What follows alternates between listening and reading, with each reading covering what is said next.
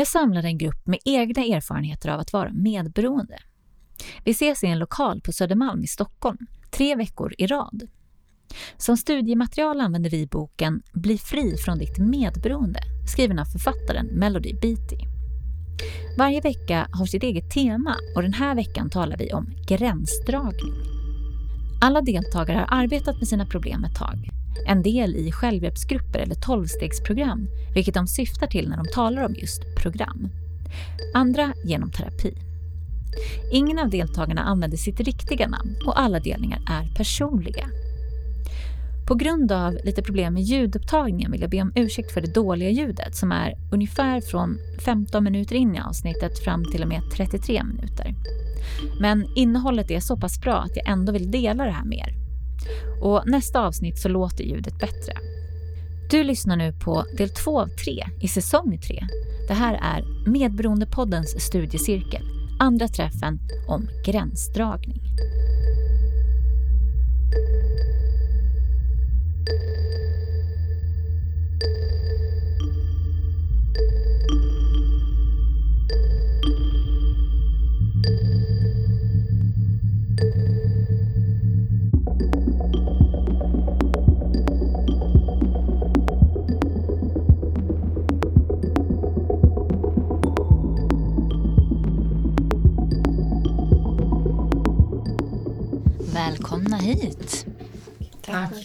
Medberoendepoddens studiecirkel är en grupp människor som alla delar medberoendeproblematiken på ett eller annat sätt.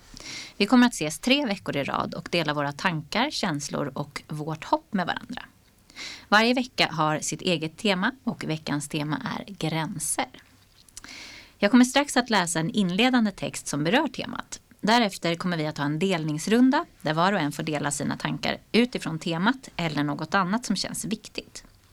För enkelhetens skull så ber alla presentera vid namn följt av medberoende. Sedan bekräftar vi personen genom att säga hej X tillbaka. Alltså, jag heter Ida och är medberoende. Hej Ida. Varje delning får ta fem minuter. Därefter är det dags att lämna ordet vidare. Och vi delar från hjärtat och behandlar både oss själva och andra med respekt. Nu läser jag dagens text ur Melody Beattys bok Bli fri från ditt medberoende. Det har sagts att medberoende har problem med gränser. Det håller jag med om. De flesta av oss har inga gränser. Gränser är linjer som är skyltande. Hit men inte längre. Det här kan jag göra för dig men inte det här. Detta tolererar jag inte från dig. De flesta av oss gick in i relationer med gränser. Vi hade vissa förväntningar och vi upprätthöll vissa tankar om vad vi skulle tolerera och inte tolerera från vår omgivning. Alkoholism och andra tvångsmässiga störningar skrattar gränserna upp, rätt upp i ansiktet. Sjukdomarna pressar sig inte bara på våra gränser, de kliver järvt rakt över dem.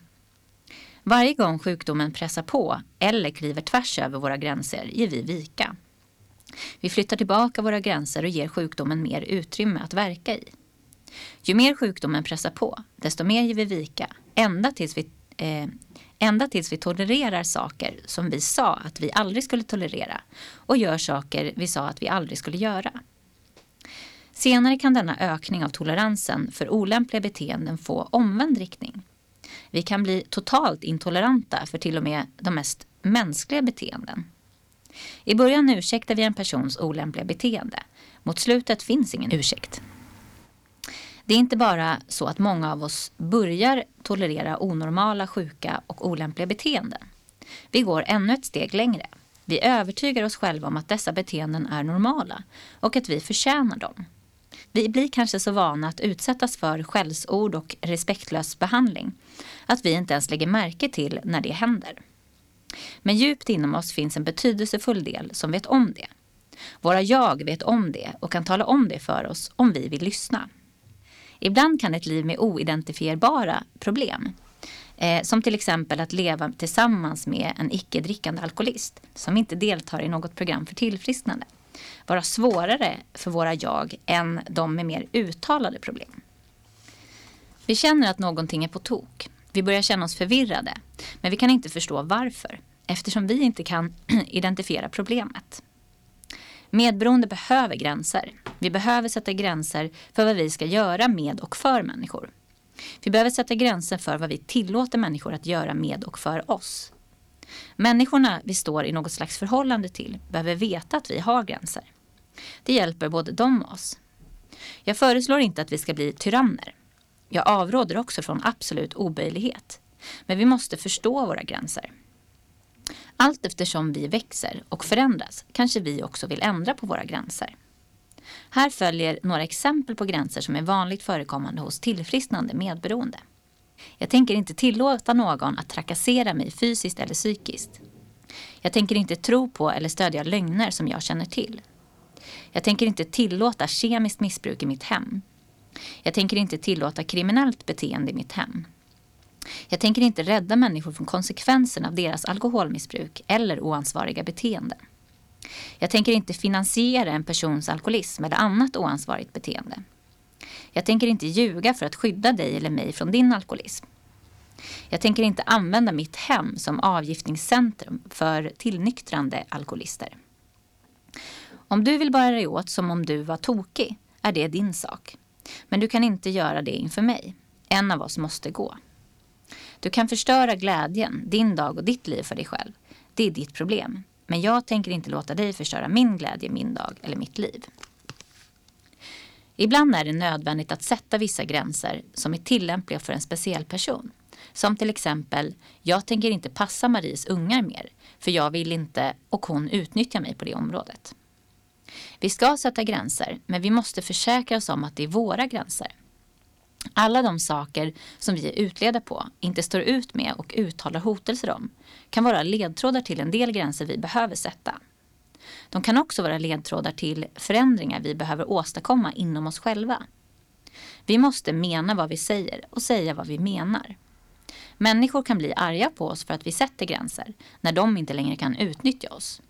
De kanske försöker få oss att känna skuld så att vi tar bort gränsen och återvänder till det gamla systemet där vi låter dem utnyttja och trakassera oss. Känn ingen skuld och ge inte vika. Vi kan hålla fast vid våra gränser och hävda dem. Vi måste vara konsekventa och uthålliga. Vi kommer förmodligen att få varje ny gräns testad mer än en gång. Människor gör det för att se om vi menar allvar. I synnerhet om vi inte har menat det vi sa tidigare.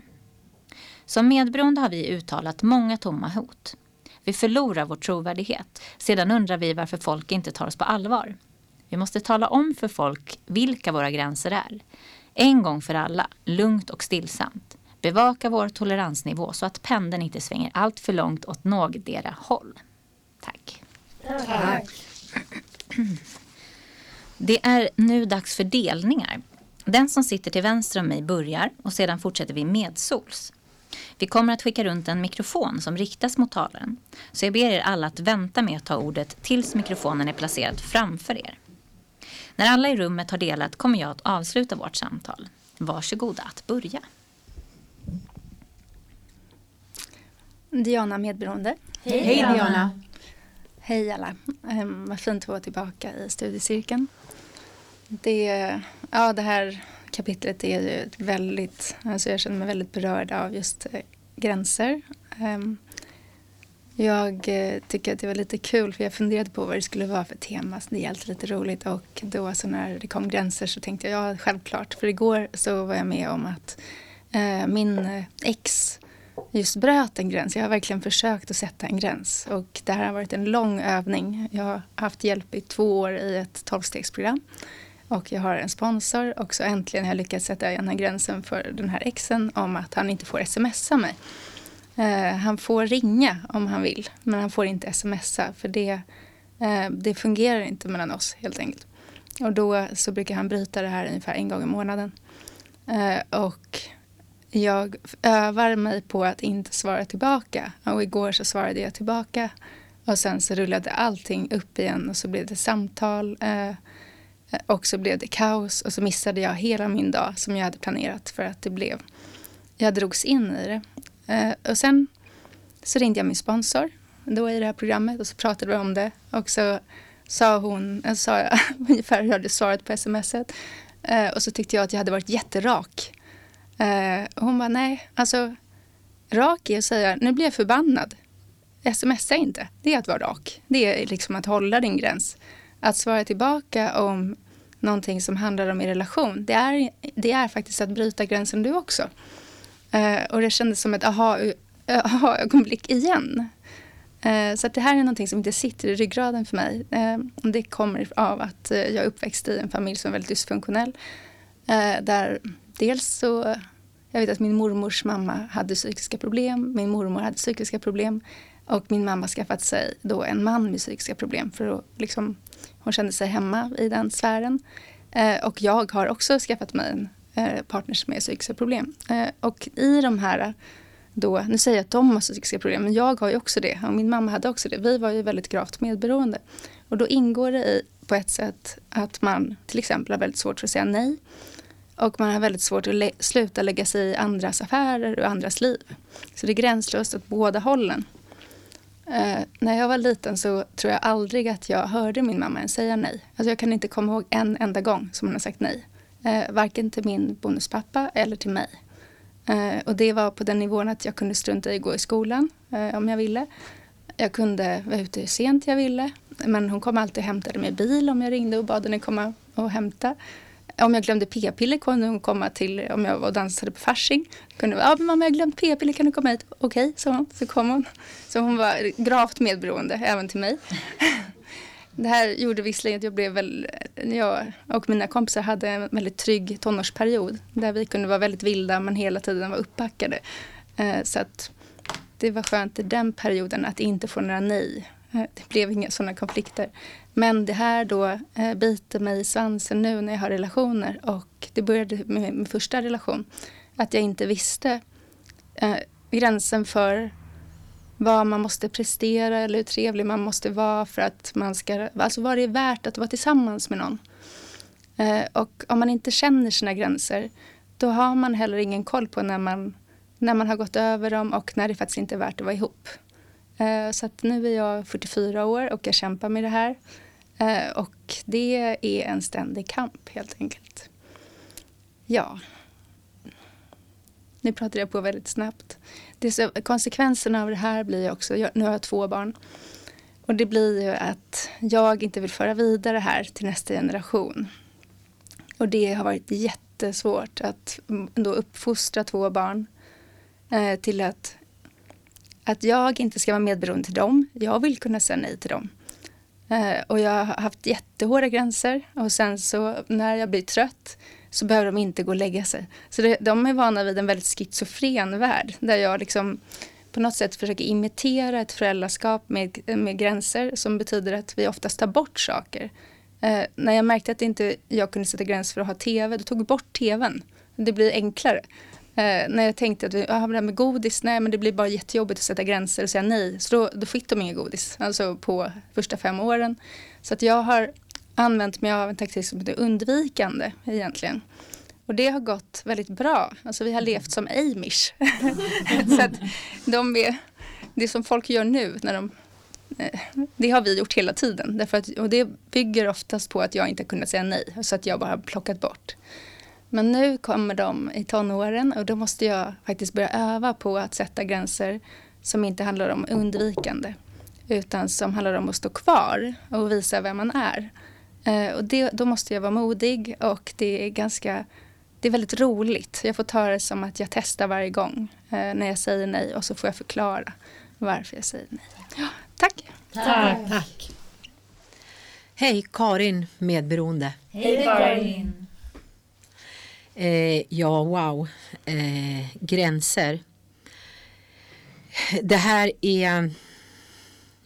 är eh, ja, det väcker, väcker väldigt mycket i mig eh, när vi pratar om gränser. Eh, det som jag först tänker på just nu det är eh, jag fick en gottgörelse från min exman eh, för några månader sedan. Och eh, det tog ganska lång tid och eh, eh där han berättade om eh, vår, eller där, där han då skulle gottgöra allt som han i, i och med sitt missbruk då har, har gjort eller skadat framförallt, eller skadat mig då. Ehm, och eh, det kom ju upp Eh, väldigt, väldigt mycket. Det var väldigt, väldigt mycket som jag inte kommer ihåg. Som jag eh, faktiskt måste ha förträngt. Eh, skulle jag gå igenom allting så skulle det ta hela avsnittet för det var oerhört många saker. Det var liksom över 30 års eh, ja, 30 års gottgörelse. Eh, och efter, efter, det var väldigt fint, eh, men efteråt så tänkte jag eh, hela tiden liksom, men vi, vem, vem har varit sjukast? Han eller jag? Men jag har ju inte haft något substansberoende eller någonting eh, medan han då har eh, ett eh, substansberoende eller alkoholberoende. Ehm, och det var så tydligt just det här med gränser. Hur jag eh, eh, vi var, var väldigt unga när vi träffade varandra och eh, den här sjukdomen, både, eller de här sjukdomarna, både beroende och medberoende, är ju progressivt.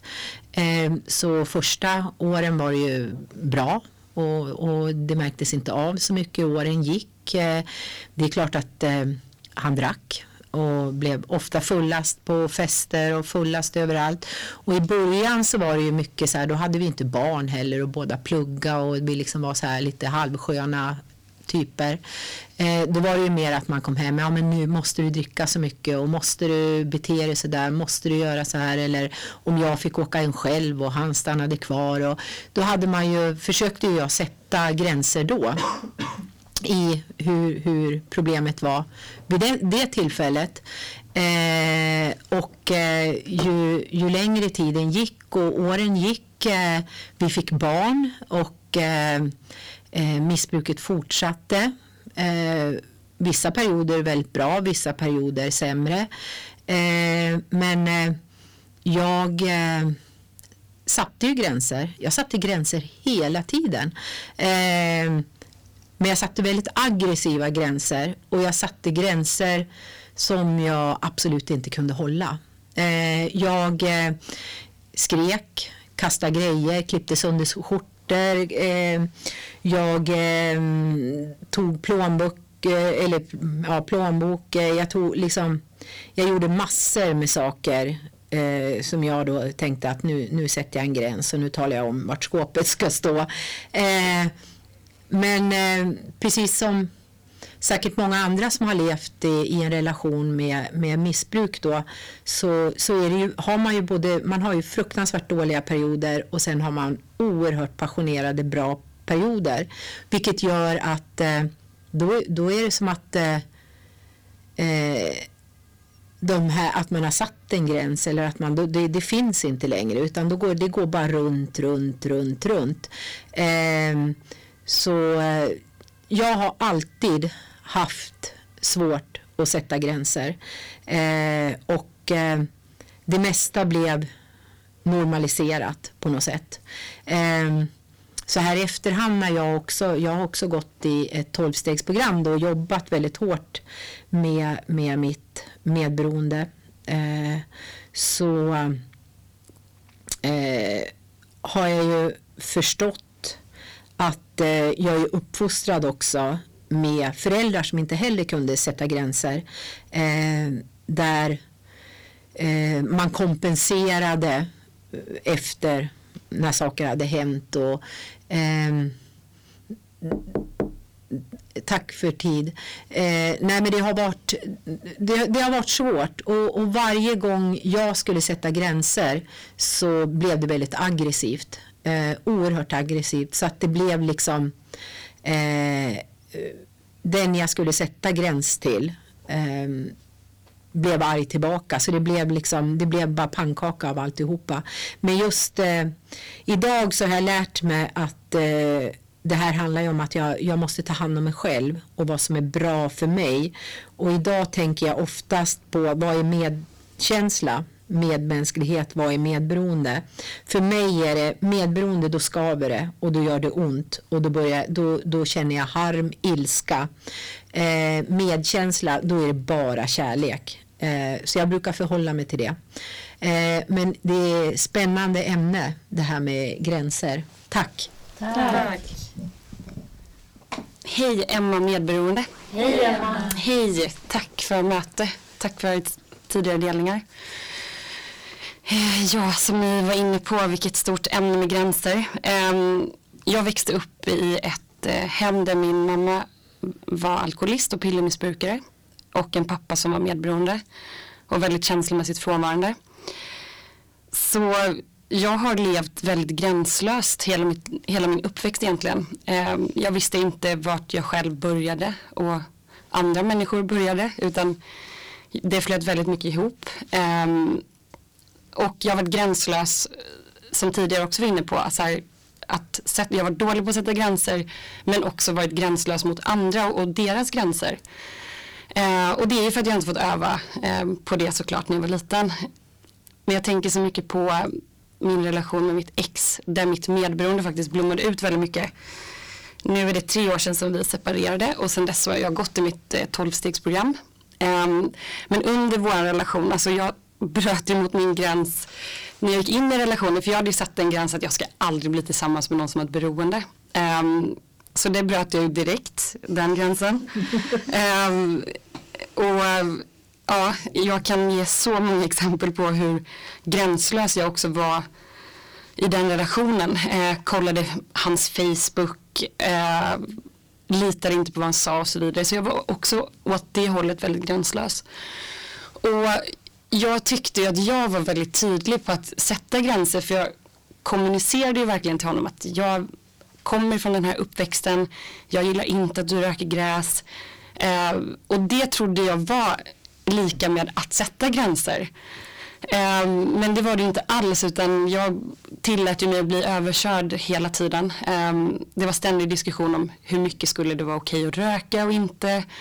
Och jag sköt hela tiden på mina gränser för jag ville så gärna vara tillsammans med honom. Um, och jag tänkte på i texten just det här, vad, vad är det att kunna sätta gränser, att faktiskt inte ha droger i sitt hem. Och vi hade ju eh, gräset i frysen då. som jag också, det var också något som jag verkligen inte ville men ja, körde verkligen över min gräns. Um, och viktigt att säga är att eh, jag kom till mitt tolvstegsprogram efter vi hade separerat. Så jag var verkligen jättesjuk i mitt medberoende under tiden vi var tillsammans. Um, och det är först när jag kommit till eh, tolvstegsprogrammet och fått jobba med min sponsor och få höra andra i programmet dela precis som vi gör i den här studiecirkeln som jag börjat förstå vad, vad det innebär att ha gränser och hur man kan börja sätta dem. Um, men det är också så sammankopplat med att jag också börjar veta vem jag är. För jag visste inte vem jag var för jag var ju på min mammas ö väldigt mycket när jag var liten och jag har varit på alla andras öar och härjat och brytt mig om och um, inte varit hos mig själv. Så då har jag inte vetat vem jag varit heller. Uh, och då är det svårt att dra gränser om man inte ens vet var gränsen går för sig själv så att säga. Eh, så ju mer jag har börjat eh, kika på vem jag är, vad jag tycker om så har jag också fått lättare att sätta gränser. Ehm, men det är jätteobehagligt och jag övar fortfarande. Jag har ganska två nya exempel på när jag har satt en gräns. Det var någon kille på Tinder som eh, hörde av sig fastän jag verkligen sa så här, men jag vill inte ses. Och så det kom liksom två sms efteråt ändå. Um, och då kan jag lätt gå in i så här offerkoftan. Bara, men jag var ju så tydlig här nu. Jag skrev ju att jag inte ville ses här nu. Um, men jag får bara acceptera att vissa människor kommer försöka rucka på mina gränser. Uh, och det är bra övning att, att faktiskt stå fast. Uh, liksom. Men det är obagligt och det är obagligt att göra folk besvikna. Um, men det blir, ju mer självkänsla som jag har fått uh, tack vare det här programmet och ehm, när jag byggt mig själv och när jag idag kan lyssna inåt och lyssna på vad jag faktiskt innerst inne vill och vem jag är innerst inne när jag tar mig tid för meditation eh, och lyssnar inåt då har jag så mycket lättare att så här, utåt kommunicera det på ett tydligt sätt. Så ja, det, det är inte enkelt men det har verkligen blivit enklare. Och mycket oro, ångest eh, som jag haft tidigare över att jag kanske ens kommunicera mitt behov. Alltså det behöver inte ens vara en gräns utan kanske tidigare har jag tyckt det var jobbigt att bara kommunicera vad jag faktiskt känner och behöver. Eh, men ju mer jag har landat i mig själv och grundat och med tack vare programmet och de verktygen så kan jag känna efter mer vad jag faktiskt vill och då är det mindre läskigt faktiskt att kommunicera det utåt. Och de människor som faktiskt är friska där ute, de respekterar gränser på um, ett sätt. Men som sagt, som texten också sa och som jag själv får erfara så är det väldigt många som inte tycker om när vi sätter gränser och de kommer ju försöka hela tiden. Uh, men då gäller det att inte gå in i offerkoftan och tycka synd om sig själv utan stå fast, öva på det och fortsätta ja, försöka vara tydlig helt enkelt. Mm. Eh, tack snälla. Tack. tack. Astrid, medberoende. Hej Astrid! Hej, tack för läsning och roligt att vara tillbaka här och tack för alla tidigare delningar. Eh, förra veckan hade vi kommunikation och idag har vi gränser, två väldigt spännande teman. Eh, jag eh, ja, börjar med som, lite som förra veckan att jag eh, som barn gjorde som mina föräldrar gjorde, inte som de sa. Eh, och vi kommunicerade aldrig behov, känslor eller någonting som egentligen rörde det inre om man säger så. Så jag eh, har egentligen aldrig sett min mamma uttrycka behov eller sätta gränser eh, utan man har liksom bara kört på på något sätt. Eh, det har varit extremt gränslöst. Ehm, och eh, jag lärde mig egentligen aldrig att sätta gränser. Jag visste aldrig vart jag började eller vart jag slutade. Eh, det var mer så här, mina, om det var ens gränser, var som, som en gummisnodd som bara så här drogs ut beroende på situation eller person som jag behövde liksom anpassa mig till. Um, så att det, ja, det som jag hade däremot var att eh, ja, det var inte ens, det var också gränslöst självförakt. Eh, jag tyckte verkligen inte om mig själv eh, och jag eh, var gränslös i hur jag, liksom, jag försökte hela tiden kompensera det. Eh, det vill säga jag jobbade för mycket Eh, jag eh, var för mycket i min partners liv och bestämde hur den skulle leva. Min familj var deras beslut eh, och kom med input som absolut inte var efterfrågat och var liksom någon annans gud i deras liv. I någon annans liv helt enkelt. Så jag har ju varit jättegränslös också. Jag har ju tyckt och tänkt om allas liv. Men har egentligen inte haft någon aning om vad jag själv har hållit på med. Så att, det är ju ironin i det hela. Eh, men eh, det som eh, min gränslöshet har ju tagit sig uttryck på massa olika sätt men framförallt det här gränslösa självföraktet. Jag hade verkligen ingen självkänsla så att jag liksom jag brydde mig inte om om jag hade sex med någon eh, för att jag tyckte inte att jag var värd någonting ändå så det spelar liksom ingen roll. Det var mitt svar på allting. Äh, det spelar ingen roll. Om en kompis frågar, jaha men var du kär i den killen? Nej, men det spelar ingen roll. Eh, och det är ganska sorgligt kan jag tycka idag. Men eh, det var, inget spelade någon roll egentligen. Eh, och i jobb har ju det där också återkommit att det här liksom, jag har ju aldrig vetat vad lagom är för någonting. Allt, det har alltid varit för mycket av allting hela tiden. Det har inte varit någon balans i något område av mitt liv. Um, så att det här med att jobba dygnet runt har inte varit något problem. Eh, jag har sagt ja till allting för att rädslan om vad händer om jag säger nej. Jag, är, jag tyckte ju så illa om mig själv så att om jag säger nej vad innebär det då? Kommer jag inte kunna få vara kvar på det här jobbet? Kommer jag inte kunna ha kvar den här relationen? Och så vidare och så vidare. Eh, så jag har ju varit gränslös på alla håll och kanter. Eh, och det, ja, den gränslösheten tog jag med mig in i mina relationer också där jag skulle fixa andras missbruk. Eh, det här med att vara helt gränslös när det gäller integritet. Jag hade absolut inget problem att liksom kolla igenom min, eh, min killes e-mail, telefon och så vidare och så vidare. För jag tyckte ju att han var det större problemet och att det var okej för mig att veta och ligga steget före hela tiden för att han knarkade och jag behövde tänka på hur jag skulle liksom fixa i ordning det här och hålla ihop fortet på något sätt. För att jag såg ju det som min uppgift. Ehm, så jag blev väldigt, väldigt, väldigt sjuk i mitt medberoende och tack vare programmet jag eh, har jobbat i eh, de senaste åren så kan jag idag sätta gränser. Det är inte alltid att det är bekvämt. Eh, jag vill gärna oftast vara choklad liksom, och omtyckt av alla men det funkar inte så. För att om jag säger ja till någon så kanske jag säger nej till mig själv. Och idag måste jag verkligen fokusera på mitt eget mående för det är bara det jag kan göra någonting åt och det är liksom, ja, det är det jag vill kultivera liksom. Um, så Ja, men idag, det här med att öva på att sätta gränser. I början blev det jättehårda gränser. Då var det så här, nej, nej. Järnridån åkte ner. Eh, så att det här med kärleksfulla gränser har ju varit någonting jag, får öv jag har övat på och övar på. I jobb, i relationer. Och ja, det tidigare, tidigare temat med kommunikation, att kommunicera. Vad är mina behov? Vad är min gräns? Vad är inte okej? Okay? Eh, och också vad som är okej. Okay och, ja uttrycka det. Eh, och det, tack för tid.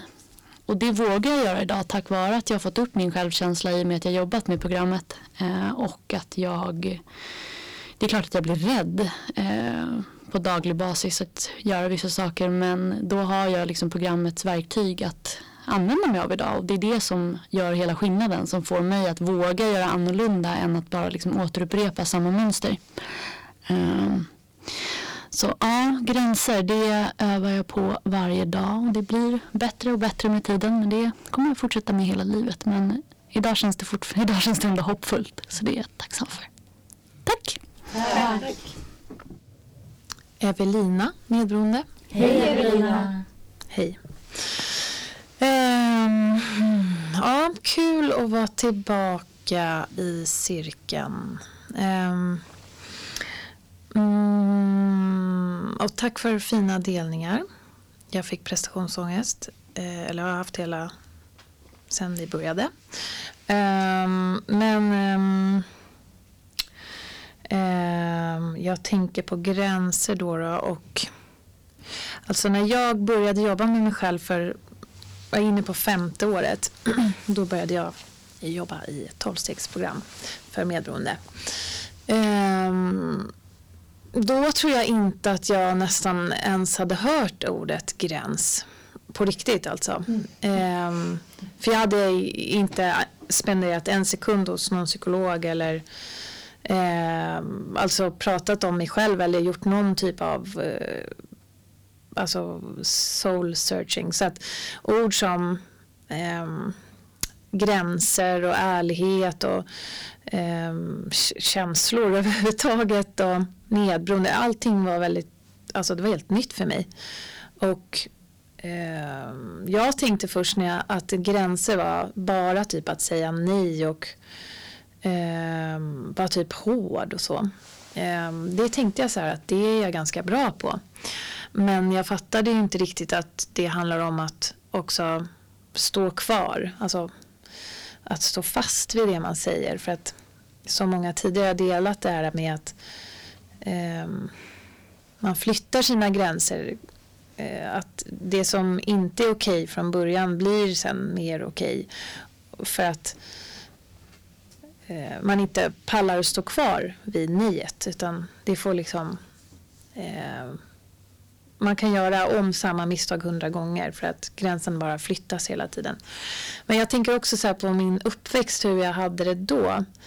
Um, och då är det svårt för mig att veta om regler är gränser eller inte. Jag vet inte det är fortfarande. Men hemma hos eh, min mamma där jag bodde mest, där var det ju väldigt mycket regler. Alltså så här, det var ganska strikt och hårt och jag hade tid. Kom jag en sekund över min tid jag skulle vara hemma så då blev, det var inte skönt liksom. Då blev det sura miner och ja, jag kunde bli straffad med liksom, då fick jag komma hem tidigare dagen, in, eh, dagen efter och sådär.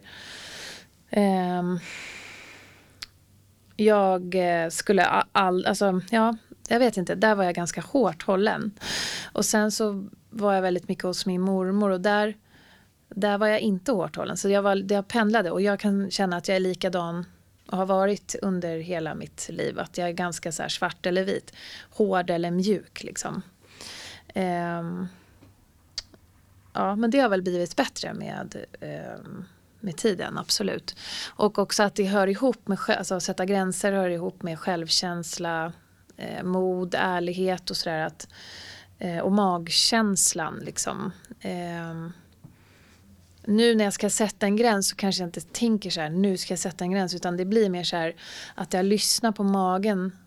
Jag, jag behöver inte snabbt ge ett svar kanske på någonting, typ, ja men kan du jobba, kan du jobba på fredag, lördag, söndag, natt?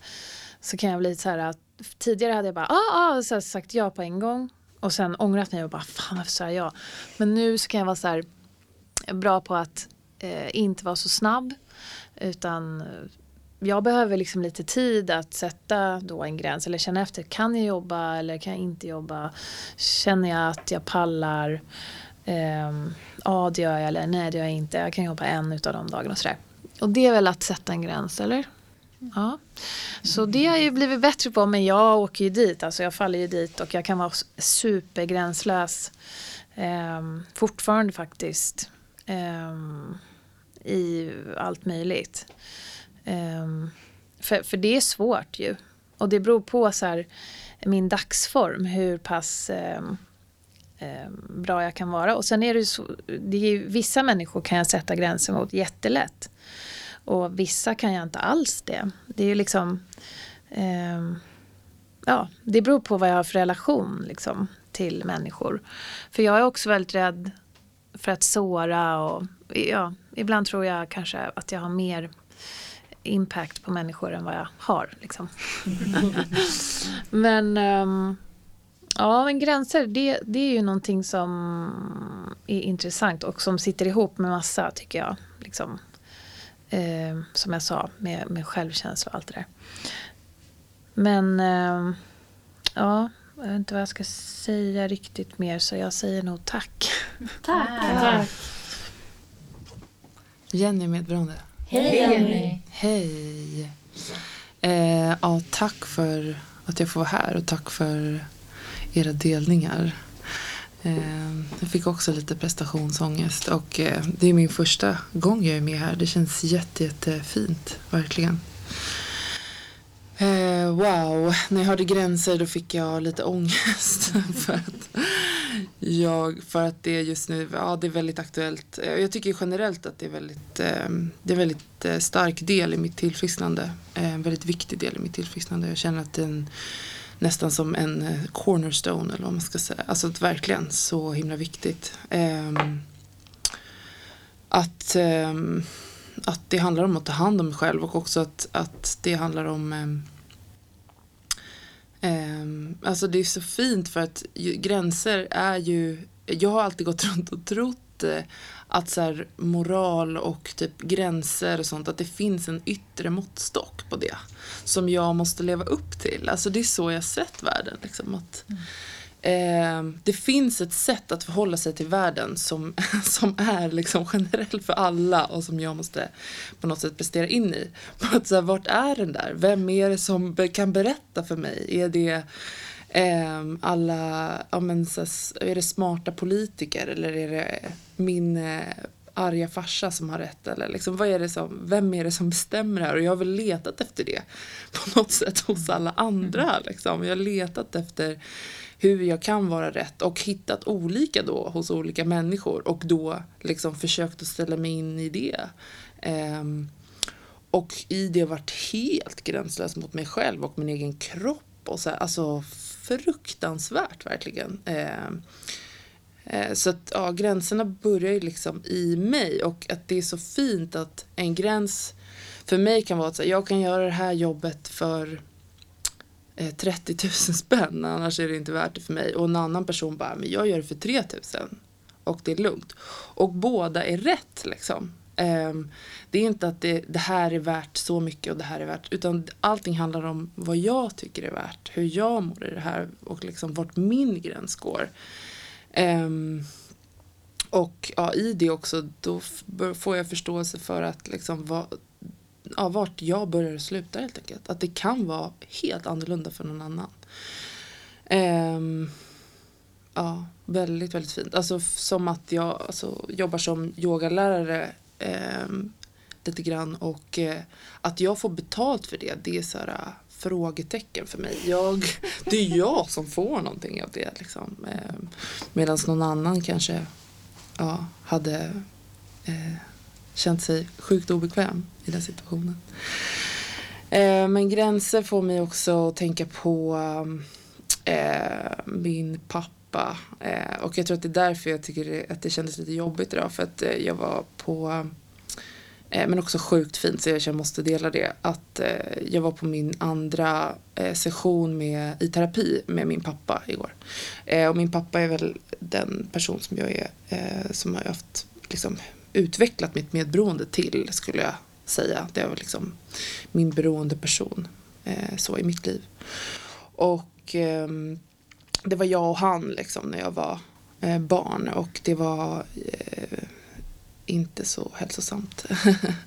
Även om jag, han också är den jag ja, verkligen älskar honom så mycket. Hur som helst så har jag varit totalt gränslös i min relation till honom eh, och han såklart till mig. Eh, och det var väl där jag lärde mig gränslösheten kanske. Eh, men att vi sitter och eh, ska gå, eller går i terapi tillsammans det kommer ju ut av att jag när jag kom in i tolvstegsprogrammet eh, började jobba med mina gränser. Och eh, jag kommer aldrig glömma när min sponsor sa till mig, alltså när jag började liksom komma i kontakt med min ilska gentemot honom och så, hur hon sa till mig så här, men Jenny, om du inte vill vara en dörrmatta så res dig upp. Mm. Och eh, hur det var en sån så här, what? Eh, Okej.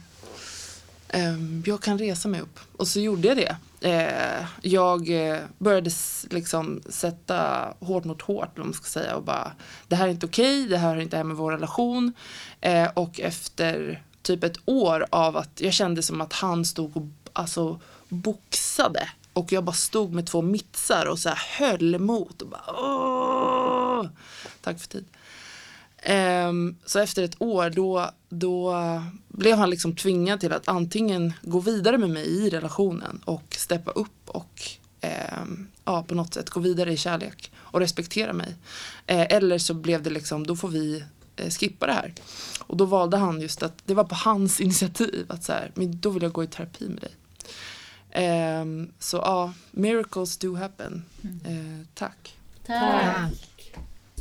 Då ska vi se, då ska vi gå på avslutning.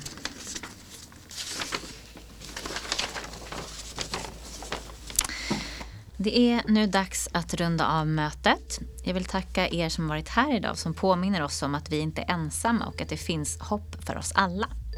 Jag tänker att vi avslutar med att ta varandras händer och eh, att säga den klassiska och vackra sinnesrobönen tillsammans. Jag inleder med Gud och sedan säger vi resten ihop. Gud, ge mig sinnesro att acceptera det jag inte kan förändra, mod att förändra det jag kan och förstånd att inse skillnaden. Tack!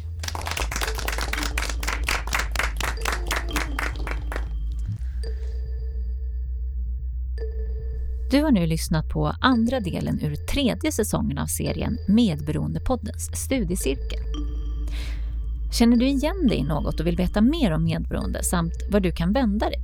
Då kan du gå in på vår hemsida www.medberoendepodden.se. Glöm inte att följa oss i sociala medier. Där heter vi Medberoendepodden.